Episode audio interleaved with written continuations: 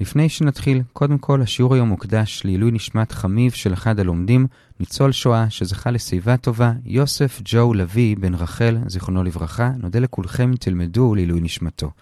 שלום לכולם, אנחנו לומדים את דף נ"א במסכת כתובות, באתר sny.org.il.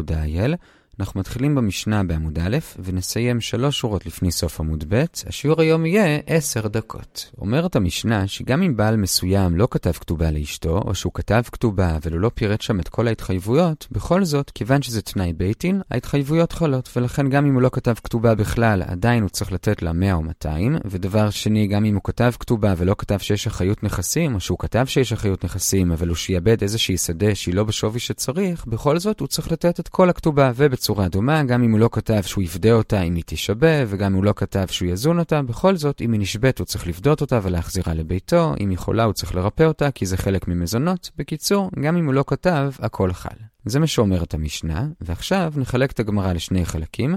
בחלק הראשון נראה כמי המשנה שלנו, בחלק השני נדבר על נושא אחר ונביא לו ראייה מהמשנה. אז אנחנו מתחילים בחלק הראשון, כמי המשנה. עכשיו, לפני שנראה את הדיון, נקדים שתי הקדמות קצרות. הקדמה אחת זה שיש מחלוקת במשנה בנ"ד עמוד ב', האם אישה יכולה לוותר על הכתובה, או לוותר על חלק מהכתובה. רבי מאיר אומר שהיא לא יכולה לוותר, ולכן מי שפוחת מה-100 או 200 שהם עיקר הכתובה, אז הם אסורים להיות ביחד, והבעילה היא בעילת צנות. לעומת זאת, רבי יהודה אומר שהיא יכולה לוותר. כלומר, הוא יכול למשל לכתוב לה בכתובה 200, והיא תכתוב לו קבלה כאילו שהיא קיבלה כבר 100, כלומר היא מוותרת על 100, וזה בסדר. אז שוב, לרבי מאיר לא יכולה לוותר. לוותר, לרבי יהודה היא יכולה. זאת הקדמה אחת. הקדמה שנייה זה מחלוקת בכלל בדיני שטרות, האם אחריות היא טעות סופר. כלומר, אם יש למשל שטר הלוואה, שלא כתבו שם אחריות. כלומר, לא כתוב שהמלווה יוכל לגבות מהנכסים שהלווה מכר. אז חכמים אומרים, ובכלל חכמים זה גם רבי יהודה, זה שהאחריות טעות סופר. כלומר, זה שלא כתוב שם אחריות, זה לא כי באמת אין שם אחריות בשטר הזה, אלא פשוט הסופר שכתב את השטר שכח. אבל באמת, יש שם אחריות אפילו שהיא לא כתובה. זאת דעת חכמים ורבי יהודה. לעומת זאת, רבי מאיר אומר, אחריות היא לא טעות סופר, וכיוון שלא כתוב אחריות, אז באמת בשטר הזה אין אחריות, והוא לא יוכל לגבות מלקוחות. אז שוב, לרבי יהודה האחריות טעות סופר, וזה נחשב שיש אחריות. לרבי מאיר לעומת זאת, אם לא כתוב אחריות, אז גם אין אחריות, כי לא אומרים שזה טעות. עכשיו, על זה נוסיף בסוגריים, הגמרא עוד רגע תביא ברייתא, שרבי מאיר אומר את זה לא רק לגבי שטרות כמו שטר הלוואה ושטר מכירה, אלא גם לגבי כתובה. כלומר, אל תחשוב שבכתובה תמיד יש אחריות נכסים כי כתובה זה תנאי ביתין, אלא לא, באמת גם בכתובה לפי רבי מאיר, כמו בשאר השטרות, אם לא כתבו אחריות, אז אין אחריות, והאישה תוכל לגבות רק מנכסים בני חורין, כלומר נכסים שעדיין אצל הבעל, ולא מנכסים משועבדים. זאת הקדמה שנייה, בואו נחזור עוד פעם על שתי הקדמות. מחלוקת אחת זה אם אישה יכולה לוותר על הכתובה, לפי רבי מאיר לא, לפי רבי יהודה כן. מחלוקת שנייה, מה קורה אם לא כתוב אחריות בשטר, ובכלל זה גם בשטר כתובה, האם זה עדיין נחשב שיש אחריות או לא? לפי רבי מאיר זה נחשב שאין אחריות, לפי חכמים זה נחשב שיש אחריות. עד כאן ההקדמות, עכשיו נראה את המשנה. אומרת הגמרא שלכאורה המשנה שלנו בבעיה, כי לא כרבי מאיר ולא כרבי יהודה. למה? כי מצד אחד ברישא המשנה אמרה שגם אם לא כתבו כתובה, כלומר למשל שהאישה ויתרה על הכתובה, בכל זאת לאישה יש כתובה, כלומר לכאורה כרבי מאיר שאישה לא יכולה לוותר על הכתובה. מצד שני מיד אחרי זה בסיפא כתוב שגם גם אם לא כתבו אחריות, או שכתבו רק אחריות חלקית, עדיין היא גובה את כל הכתובה. כלומר, לכאורה כרבי יהודה ולא כרבי מאיר, כי אחריות טעות סופר, וגם כשלא כתוב, עדיין יש אחריות. זאת הבעיה במשנה, ועל זה הגמרא מביאה שני תירוצים. תירוץ ראשון יסדר את המשנה עם רבי יהודה, תירוץ שני עם רבי מאיר. אז התירוץ הראשון, באמת המשנה היא כרבי יהודה, ממילא הסיפה מובנת, כלומר אפילו שלא כתבו אחריות, בכל זאת זה כאילו שכתוב אחריות והיא גובה, ולגבי הרישא שאמרנו שאפילו שלא כתבו בכלל כתובה, עדיין יש לה כתובה, איך זה מסתדר עם רבי יהודה, הרי לפי רבי יהודה היא יכולה לוותר על הכתובה. אומרת הגמרא, כאן במשנה שלנו לא מדובר שהיא ויתרה על הכתובה, אלא כאן הבעל פשוט לא כתב לה, והיא הניחה שזה לא נורא כי יש תנאי בייטין שיש כתובה, ממילא ודאי שיש לה כתובה. אבל באמת, אם היא תכתוב לבעל בפירוש שהיא מוותרת על הכתובה, אז לפי רבי יהודה היא יכולה לוותר. אז זה התירוץ הראשון, סידרנו את המשנה עם רבי יהודה. התירוץ השני זה לסדר את המשנה עם רבי מאיר, אז לפי רבי מאיר הרישא מובנת, אישה לא יכולה לוותר על הכתובה, ממילא ודאי שגם אם אין לה את השטר כתובה, עדיין יש לה כתובה. ולגבי הסיפא, שאמרנו שלמרות שלא כתבו חיות בכל ובכל זאת היא גובה את כל ה-200, אומרת הגמרא, תסתכלו טוב טוב במשנה, לא כתוב שהיא גובה את כל ה-200 מנכסים משועבדים, אלא פשוט היא גובה את כל ה-200. כלומר, אל תחשוב שבזה שהוא כתב לה אחריות מצומצמת, זה אומר שהיא ויתרה על השאר. היא לא ויתרה על השאר, אבל את השאר הזה היא תצטרך לגבות רק מנכסים בני חורין ולא מנכסים משועבדים. כי באמת, רק האחריות שכתובה היא זאת שאפשר לגבות איתה מנכסים משועבדים לפי רבי מאיר. אז בזה סיימנו לסדר את המשנה, גם כרבי יהודה וגם כרבי מאיר, ובזה הגענו לנקודותיים קצת מעל אמצע עמוד ב', ואנחנו עוברים לחלק השני של השיעור.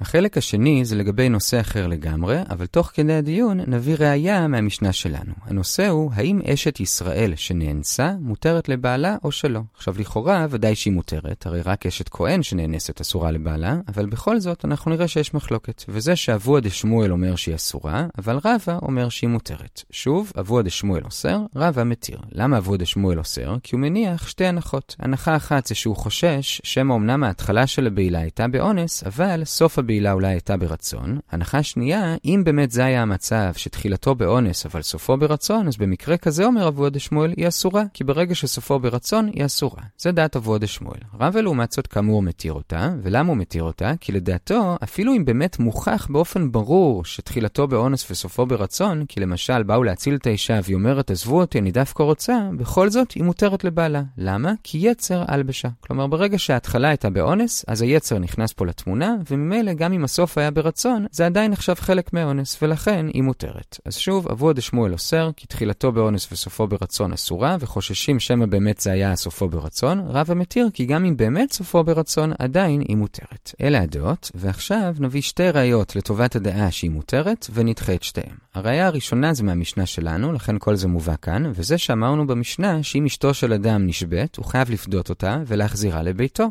מה הכוונה להחזירה לביתו? שהיא מותרת. אז זאת ראיה לטובת רבא. עונה הגמרא, הרי המשנה שלנו לא מדברת על מי שנאנסה, היא מדברת על מי שנשבית. בנשבית, אני רק חושש שמא היא נאנסה. ממילא, כיוון שזה רק חשש, לא אוסרים אותה גם לפי אבוה דשמואל. אבל אם ודאי לנו שהיא נאנסה, אז אבוה דשמואל אוסר, וזה לא קשה מהמשנה. אז זאת הראיה הראשונה, ודחינו. הראיה השנייה לטובת רבא זה ראיה כפולה. כלומר, קודם כל אנחנו נביא ראיה מפשט הפסוק שסתם אישה שנאנסה מותרת לבעלה, וגם נביא דרשה לפסוק הזה, שהפסוק בא לרבות, שגם אם אנחנו יודעים שתחילתו באונס וסופו ברצון, גם אז היא מותרת לבעלה. איך לומדים את כל זה? אז קודם כל, לגבי הבסיס שסתם אישה שנאנסה מותרת לבעלה, לומדים את זה מהפסוק שכתוב בפרשיית סוטה, שאם אישה זינתה והיא לא נתפסה, כלומר זה לא היה באונס, אז היא אסורה, משמע שאם היא כן נתפסה, כלומר זה כן היה באונס, אז היא מותרת, זה השלב הראשון בראיה. שלב שני, מזה שכתוב והיא לא נתפסה, שהמילה היא מיותרת כאן, כי היה אפשר להיות כתוב ולא נתפסה, זה בא לרבות שיש עוד אישה שהפסוק מדבר עליה לכולה. כלומר, יש עוד אישה שגם היא מותרת, וזה אישה שאני יודע עליה שתחילתו היה באונס וסופו ברצון, שגם כאן בכל זאת היא מותרת. אז זאת הראייה השנייה עם שני השלבים שלה, שלב אחד מהפשט לגבי סתם אישה שנאנסה, ושלב שני, אפילו שאני יודע שסופו היה ברצון, עדיין היא מותרת. עכשיו, מה אבוה דשמואל יענה? אז לגבי הראייה מהפשט, הוא יכול לומר, נכון, הפסוק מתיר סתם אישה שנאנסה, אבל נעשה אוקימתא שזה דווקא כשיש עדים שהיא צווחה מתחילה ועד סוף. כלומר שזה ודאי לנו שזה היה תחילתו באונס וסופו באונס, אז באמת גם לפי אבוה דשמואל היא מותרת. אז לגבי הפשט אין לו בעיה. עכשיו מה לגבי הדרשה הנוספת מהמילה ויהי, שזה בא לרבות עוד איזושהי אישה לפסוק? אומרת הגמרא, גם הוא מסכים שהמילה ויהי מיותרת והיא באה לרבות עוד אישה לפסוק, אבל זה לא בא לרבות מי שסופה ברצון, אלא מישהי אחרת. מה זה בא לרבות? אז הגמרא מביאה שתי אפשרויות. אפשרות אחת זה ברייתא שאומרת שזה בא לרבות אישה לחומרה, לא לכולה, כלומר שיש עוד אישה שאפילו שהיא כן נתפסה, היא בכל זאת אסורה, ומי זאת? זאת אשת כהן. אפשרות שנייה, דרשה של רבי ישמעאל, זה בא לרבות לכולה, שיש עוד אישה שאפילו שהכל היה ברצון, בכל זאת היא תהיה מותרת. ואיזו אישה זאת? אישה שהקידושים לבעלה היו קידושים על תנאי, והתנאי הזה לא התקיים, וממילא הקידושים בעצם בטלים למפרע, וממילא כשהיא זינתה, היא בכלל לא הייתה אשת איש, ולכן היא מותרת לבעלה, כי הוא בעצם אף פעם לא היה בעלה. אז אלה שתי אפשרויות, מה עברו עד שמואל יעשה עם הפסוק והיא לא נתפסה, ועד כאן הניסיונות להוכיח שאשת ישראל שנאנסה מותרת, והתשובות של אבו עד שמואל שלדעתו היא בכל זאת אסורה. בזה הגענו לתשע שורות לפני סוף עמוד ב', ועד כאן השלב הראשון של החלק השני של השיעור. השלב השני של החלק הזה מובא אגב השלב הראשון, תשע שורות לפני סוף עמוד ב', וזה לגבי אישה שנשבתה לגנבים או למלך. עכשיו לכאורה אנחנו כבר יודעים את הדין הזה, שאשת ישראל שנשבתה כמובן שעדיין מותרת, אלא שכאן משמע שמדובר במשהו קצת אחר. כי בשבויה רגילה אפשר לדמיין את זה שמדובר בשבויה שכל הזמן שהיא בשבי היא בסוג של מצב של כלא, בין אם זה בכלא ממש, בין אם זה פשוט עם השובים בדרכים, אבל כמו כלא. כאן לעומת זאת משמע שמדובר במצב שבו השבויה מתחילה להשתלב בתוך הקבוצה של השובים, והיא גם נבהלה תוך כדי, והשאלה היא, האם במצב כזה אנחנו כבר חוששים שהיא עשתה את זה גם מרצון, או שלא. אז לגבי זה נראה שני מקורות, אחד אמורה ואחד ברייתא. מקור ראשון זה רב יהודה, שהוא אומר שגם בנשבו לגנבים, כמו התיאור שתיארנו, גם אז היא מותרת, והוא מסביר שאפילו שיודעים שהאישה עזרה לגנבים, הייתה מביאה להם לחם ותחמושת, עדיין היא לא עשתה את זה מרצון, אלא מיראה, ולכן מניחים שהכל היה אונס והיא עדיין מותרת. זה מקור אחד. מקור שני זה שתי ברייתות שלכאורה יש סתירה ביניהם. ברייתא אחת אומרת שאם היא נשבתה למלך, במצב שבו תיארנו, היא עדיין מותרת, אבל לגנבים היא אסורה. ברייתא שנייה אומרת בדיוק להפך, למלך היא אסורה, לגנבים היא מותרת, ובשביל לתרץ את הברייתות, הגמרא מסבירה כך, ברוב המקרים היא עדיין מותרת. כלומר, אם היא נשבתה למלך רציני, כמו אחשורוש, או מצד שני לסתם ליסטים, היא עדיין מותרת, כי ההנחה היא שמבחינתה עדיין הכל באונס. אבל במצב ביניים שבו היא נשבתה לאדם שהוא כמו אדם שנקרא בן נצר, שהוא היה סוג של ליסטים, אבל גם שתפס אזורים שלמים ונהיה סוג של מלך קטן, במצב כזה, אז היא באמת אסורה. ולמה? כי לפי רש"י אנחנו חוששים שכיוון שהיא כבר השתלבה שם, אולי תוך כדי גם חשבה שבסוף היא תהפוך להיות המלכה. כלומר, היה בזה סוג של רצון, ולכן היא אסורה. אבל בשני המצבים האחרים לא חוששים לזה, כי אם היא נשבתה למלך רציני כמו אחשורוש, אז אין סיבה שהיא תחשוב שפתאום היא תהיה מלכה. מצד שני, אם היא נשבתה לסתם ליסטים, היא לא רוצה להיות אשתו, רק במצב הביניים חוששים לזה, ואז היא אסורה. זה לפי רש"י, יש כאן חומרה גדולה שאנחנו חושדים באותה אישה, ראשונים אחרים פירשו את זה אחרת. עד כאן השלב השני של החלק השני של השיעור, בזה הגענו לשתי שורות לפני סוף עמוד ב', נעצור כאן, נחזור על מה שראינו.